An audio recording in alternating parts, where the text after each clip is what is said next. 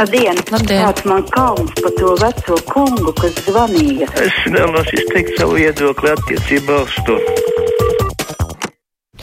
6722, 888, 672, 559, ir tāruņa numuri mūsu studijā.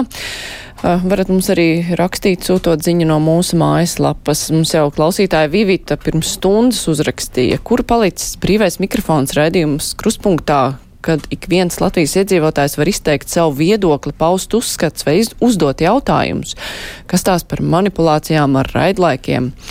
Nu, tās nav manipulācijas ar raidlaikiem. Katru vasaru pēc jāņem mums eh, raidījums ir īsāks un brīvais mikrofons ir pēc eh, vai nu diskusijas vai intervijas vai amatpersonu iztaujāšanas, un tad klausītājiem ir iespēja arī reaģēt uz dzirdēto raidījuma laikā.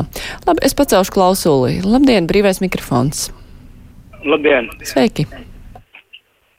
Es gribēju tādā jautājumā par gāzes apkuri, eh, kas eh, pamazām tāda veidojās tāda problēma.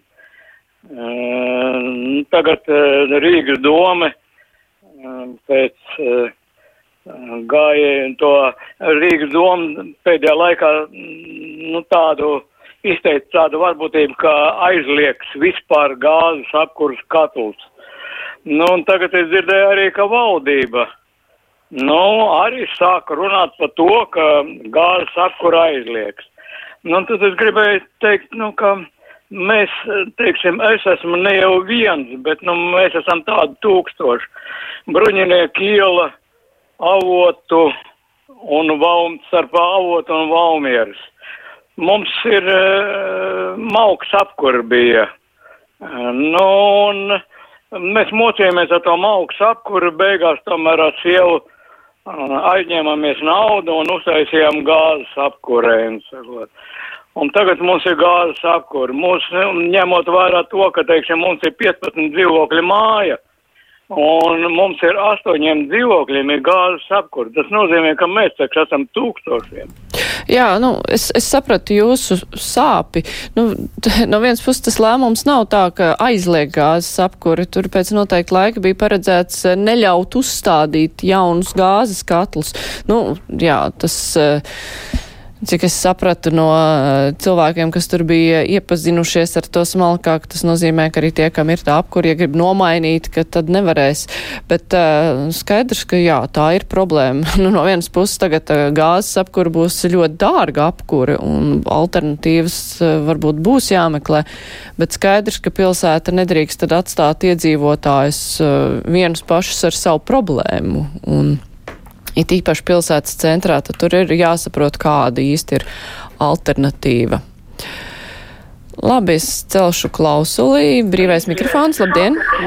Sveicināti! Sveicināti! Es aizēju tālāk no radio. Jā. Es gribu parunāt par medicīnu. Nu, es aizēju, man radās veselības problēmas, aizēju pie ģimenes ārsta. Viņš nozīmē divus, vienu procedūru un vienu speciālistu meklējumu. Es noielu lejā reģistratūrā, man pasaka, Rīgā šīs procedūras par uh, valsts limitu naudu, tas ir par 4 eiro, līdz septembra beigām ir aizņemtas. Nu, kāda jēga man iet pie ģimenes ārsta ar problēmu, ja es viņu nevaru atrisināt? Nu, nemētēs man tie 40, 50 eiro par katru to apmeklējumu. Jā, tā ir problēma rindas pie speciālistiem, bet to es ieteiktu tomēr painteresēties varbūt kādā citā medicīnas iestādē. Dažkārt parādās kaut kādi caurumi, nu, kur var tikt eh, arī par valsts naudu, tur vienkārši jāmeklē. Nu, varbūt eh, pat ir jābrauc uz kaut kurien, lai gan es saprotu, ka šobrīd tas tiešām ir sarežģīti. Klausītājs zvana brīvais mikrofons, labdien! Halo. Sveicināti, esat ēterā. Labdien! Man ir tāds uh, pārdoms par mūsu raidījumu. Mēs te it kā uzdodam jautājumus un jūs atbildat, bet žurnālistam jau pēc būtības jābūt ir neitrālam un bez savu viedokļu. Vai nevarat tos uz tiem jautājumiem atbildēt kāds saimnes deputāts, piemēram, no partijām, kas viņi tur lejas galā, nu jau pašā špicē.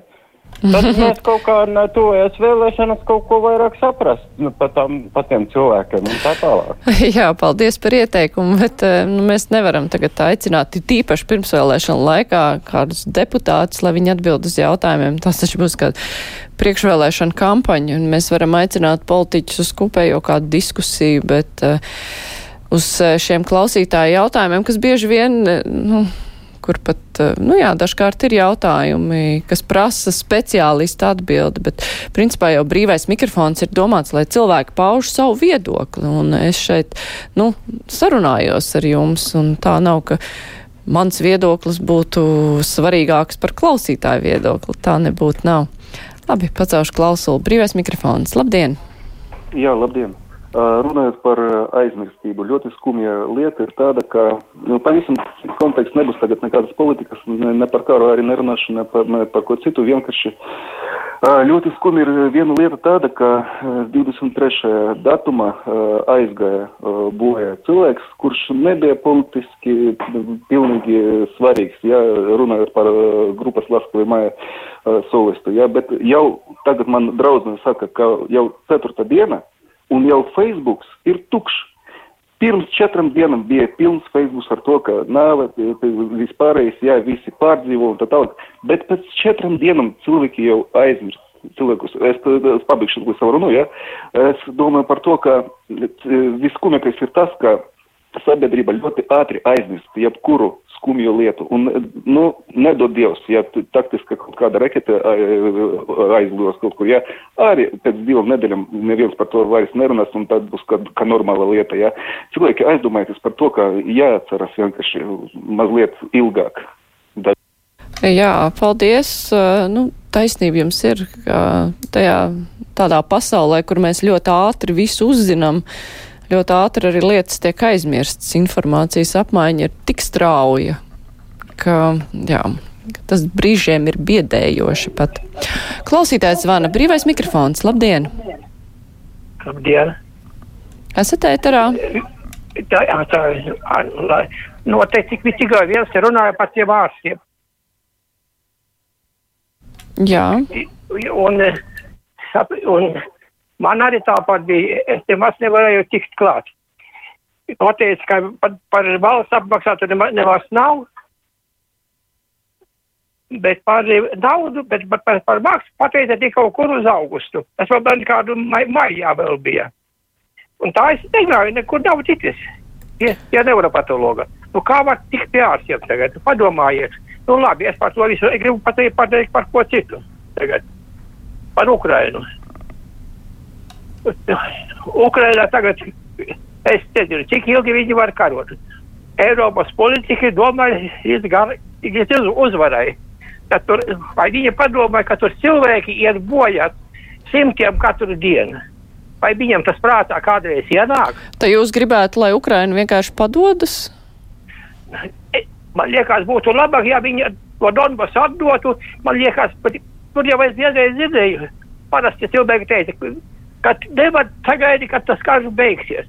Lai parasti, cilvēki gaida, viņam vienalga, ka ir miers būtu.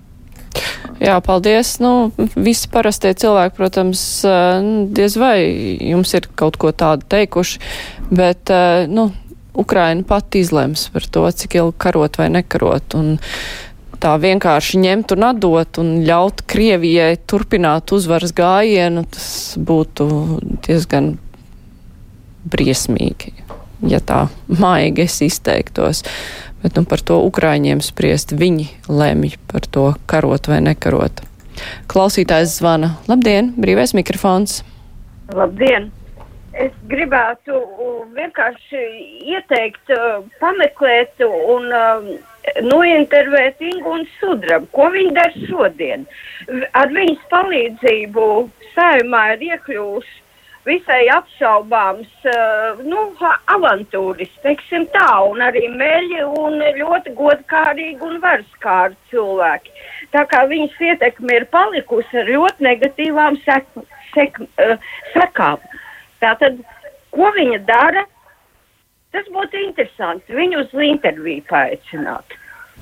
Hmm. Labi, paldies par ieteikumu, bet nu skatīsimies gan.